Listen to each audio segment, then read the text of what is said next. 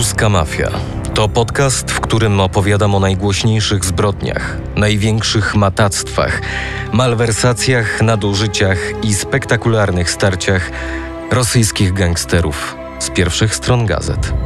Tak zwana rosyjska mafia to grupa przestępcza, która owładnęła niemal cały świat, a w samej Rosji działa nie tylko w jej europejskiej części.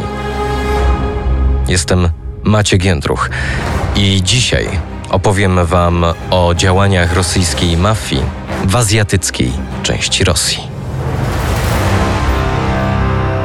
Ruska mafia w RMFFM. Gangsterzy za Uralem.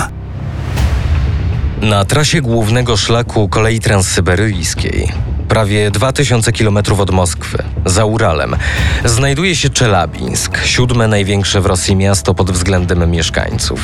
Największe i te najbardziej znane na świecie rosyjskie zorganizowane grupy przestępcze działały zawsze w Moskwie i Petersburgu. Ale nie znaczy to, że mafijne szlaki nie powędrowały na wschód, za łańcuch górski, którym biegnie umowna granica między Europą i Azją. Burmistrz Czelabińska, Natalia Kotowa, poinformowała policję o zagrożeniach ze strony zorganizowanych grup przestępczych. To nagłówek, który pojawił się w rosyjskich mediach w grudniu 2022 roku. Kotowa na zwołanej 19 grudnia konferencji prasowej podała, że w Czelabińsku istnieje grupa składająca się z 12 osób, a jej członkowie grożą pracownikom jednej z miejskich spółek. Mer poprosiła o pomoc szefa Departamentu Ministerstwa Spraw Wewnętrznych Federacji Rosyjskiej Andrzeja Mięszynina. To najświeższa wzmianka o mafii, którą przeczytałem, mówiąca o działalności grupy przestępczej na tym azjatyckim terenie Rosji. Oczywiście zorganizowane grupy przestępcze działały tam wcześniej, a ich świetność to jak w przypadku większości band lata między rozpadem Związku Radzieckiego a utworzeniem Federacji Rosyjskiej. Jedną z najbardziej znanych band, o których znalazłem wiele informacji w rosyjskojęzycznym internecie, jest zorganizowana grupa przestępcza działająca w Jekaterynburgu, który do 1991 roku nosił nazwę Swierdłowsk na cześć Jakowa Swierdłowa, bolszewickiego przywódcy. To właśnie też w tym mieście późniejszy pierwszy prezydent Rosji, Borys Jelcyn, działał politycznie, będąc od 1977 do 1985 roku pierwszym sekretarzem Komitetu Obwodowego KPZR. Na terenie obwodu Swierdłowskiego istniała spora liczba więzień i kolonii karnych. Jak przeczytałem w materiale gazety Kamiersant, Swierdłowsk właśnie, Niżny Tagil i kilka innych miast w czasach sowieckich wyróżniały się dość wysokim poziomem dochodów obywateli i były atrakcyjnym miejscem dla, jak to napisali, kryminalnych elementów w dzisiejszym Jekaterynburgu. Oczywiście wciąż dochodzi do porachunków między gangsterami.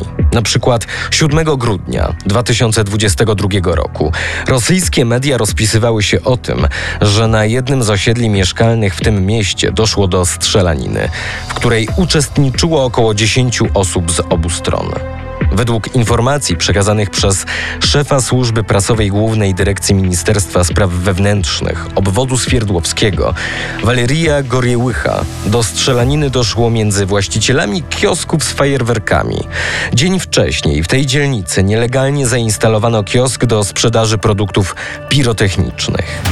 Jednak między właścicielami firmy powstał spór, który przerodził się w strzelaninę. Jak przeczytałem na portalu ura.ru, ataki zostały przeprowadzone z pistoletu gazowego. Siły bezpieczeństwa znalazły na miejscu zdarzenia łuski, naboje oraz kastety w zaparkowanych w pobliżu samochodach. Dwie osoby zostały zatrzymane, a dziewiętnastolatek z obrażeniami ciała trafił do szpitala. W 2004 roku nawet w polskich mediach pojawił się artykuł pod tytułem W rosyjskim Jekaterynburgu mafia i biurokracja w jednym stoją domu.